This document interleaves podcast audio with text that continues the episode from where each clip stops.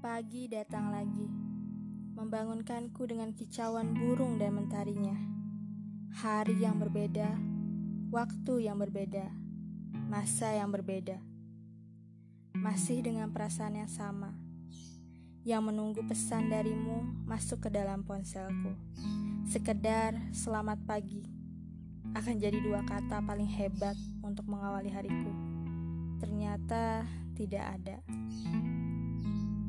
Buku yang tergeletak di sebelah pemutar musik sudah tiba pada halaman terakhir. Kata mereka, hidup ini harus seperti membaca buku. Kita tak akan bisa lanjut ke bab berikutnya jika terus terpaku di bab sebelumnya. Namun, mengapa hidupku lebih mirip satu lagu yang sudah bersenandung ratusan kali di pemutar musik sedari malam? Terus berputar balik tanpa pernah bosan ku nikmati kesenduannya. Lagi-lagi imajinasi menertawakanku karena selalu berhasil menemuimu. Sementara realitas, dalam realitas, kita berdua hanyalah dua orang yang berlari. Aku sibuk mengejarmu, kau sibuk menghindariku. Oh tenang, aku tidak lelah. Justru aku menikmati prosesnya. Kemudian Pagi kembali berganti malam. Repetisi yang tidak lagi membosankan semenjak kau hadir. Mata coklatmu yang indah dicampur senyummu yang berseri.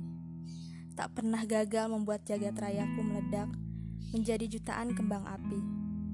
Sementara kata-katamu yang seadanya dan terkesan dingin adalah residu dari kembang api yang menghanguskan bumiku menjadi jelaga. Gelap lagi-lagi aku menantimu seperti menanti cahaya, tak menyerah walau langkah melemah. Entah mengapa hatiku berkata, kaulah orangnya. Gemintang keras menyemangatiku, terlalu jauh sorak-soranya untuk kunikmati. Di sini sunyi, tanpa ingar-bingar. Entah mengapa hatiku berkata, kau akan datang. Kita sama-sama pemimpi. Kau mengejar impian dirinya. Aku menunggu impianku, dirimu. Entah mengapa hatiku berkata, kau pantas untuk semua pengorbanan.